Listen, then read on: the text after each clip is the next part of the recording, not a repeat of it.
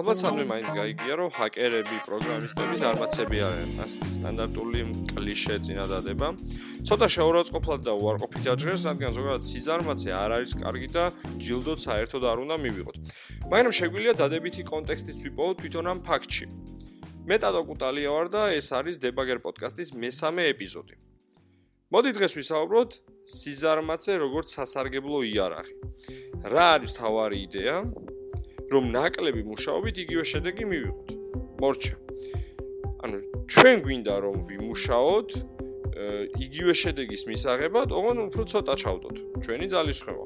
ფუნდამენტურად ძალიან მაგარი რამეა, აი რო დავფიქრეთ, ნაკლები ძალისხმევა ზუსტად იგივე შედეგზე გავდივართ, ვიდრე სხვა, რომელიც უფრო მეც მუშაობს. თუ კარგი სამუშაო ეთიკა გვაქვს, თუნდაც წინა ეპიზოდში განხილული თემებს შეგვიძლია გადავალოთ თვალი და ის ავიღოთ შეიარაღებაში.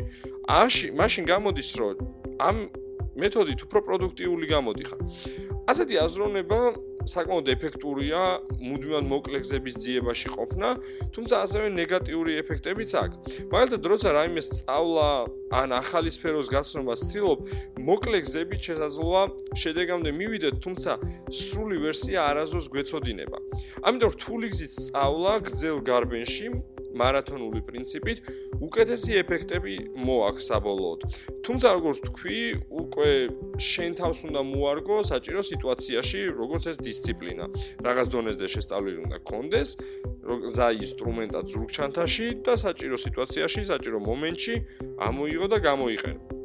სწორედ ამიტომ არის ბევრი ციგნი, რომელსაც სათაურად აწერია რაღაც X ტექნოლოგია learning the hard way. ანუ სრული სურათის დასანახად ხშირად საჭიროა, რომ ბოლომდე ვისწავლოთ ესა თუ ის ეს ტექნოლოგია. აა როგორც RPG თამაშებში შემდგომ რაღაცა იარაღები, რაღაც ტექნოლოგია, რაღაც skill set-ი გვექნება, რაღაც საჭირო level-ამდე აყვანილი და შემდგომ საჭირო სიტუაციაში ჩვენ შეგვეძლება მისი გამოყენება მხოლოდ და მხოლოდ კონკრეტულ ვითარებისთვის. ეხლა შეგვიძლია რამოდენიმე სიტყვით გადავხედოთ პროგრამირებას და კოდინგს ამ სიზარმაცის ფაქტორიდან. როდესაც ბევრ მოკლე გზას გამოიყენებ დავალების შესასრულებლად კოდში, ასე ვთქვათ, ჰაკებს მოკლედ რო ჩამოყალიბდეთ, კოდის ხარისხზე მოქმედებს ძალიან, რადგან მხოლოდ შედეგზე ორიენტირებული ხარ და მყარი, ანუ სოლიდური პრობლემის გადაჭრის გზა არ შეგიძლია დადო მაგიდაზე. აი ასე დავაყენოთ საკითხი. ცოტა რო სიზარმაცე დაუხვეწოთ და სიმარტივის მხრიდან შევხედოთ. აა ეს თემა ზოგადად არც ტექნიკური და არც ბიზნეს სფეროსთვის არ არის ახალი, მაგრამ მაინც მუდმივად ჭირდება დამუშავება. სიზარმაცე როგორც მინიმალური ძალისხმევა, რაც უფრო მეტი წვლილი შეგვაქვს პროგრამის წერაში, ანუ სხვა მხრივ რო ვთქვათ, რაც უფრო მეც კოდს წერთ, კომპლექსურობაც იმატებს. შესაბამისად იმატებს ბაგები. ახლაც და მომავალშიც.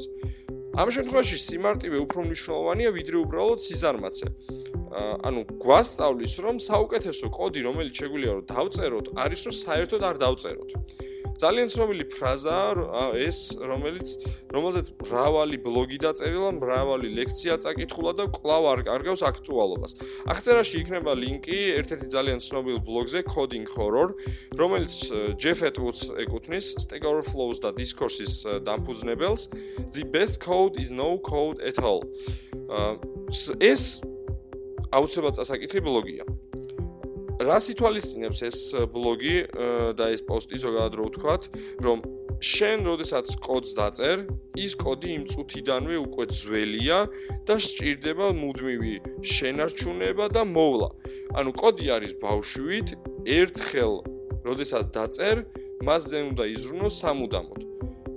ეს ვარიანტი, რომ საერთოდ კოდი არ დავწეროთ, არ გამოდის. ამიტომ მეორე ვარიანტი, საუკეთესო ვარიანტი, რაც შეიძლება გავაკეთოთ, არის რომ ისეთი კოდი დავწეროთ, რომელიც სამომავლოდ აგვარიდებს უფრო მეტი კოდის დაწერას, რომ ეს პირველი დაწერილი კოდი შევასწოროთ.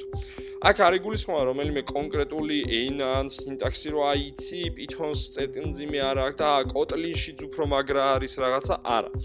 და არც ხაზების ავადებას არ ვადარებთ. აქ არის საუბარი კომპლექსურობაზე თვითონ და კონცეფციაზე, რომ დღევანდელ დაწერილზე ჩვენ ხვალ არ უნდა ზრუნავდეთ და პირიქით, ანუ დღევანდელი დაწერილი ხვალინდელ დასაწერ კოდს რთულს არ უნდა ხდიდეს. თუ ჩვენ ყოველთვის ვიქნებით იმ გზიძიებაში, რომელიც კომპლექსურობას შეგვიმცირებს საომავლოდ, ამით შორ პრაქტიკაში ძალიან დადებით შედეგს მივიღებთ. სწორედ ეს არის სიზარმაცის დადებითი მხარე.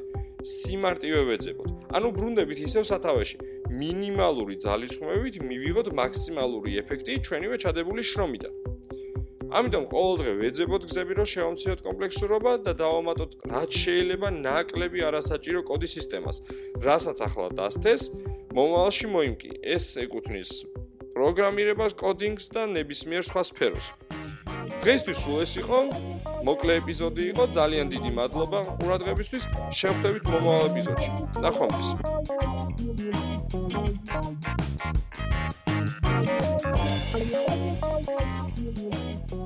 Bye.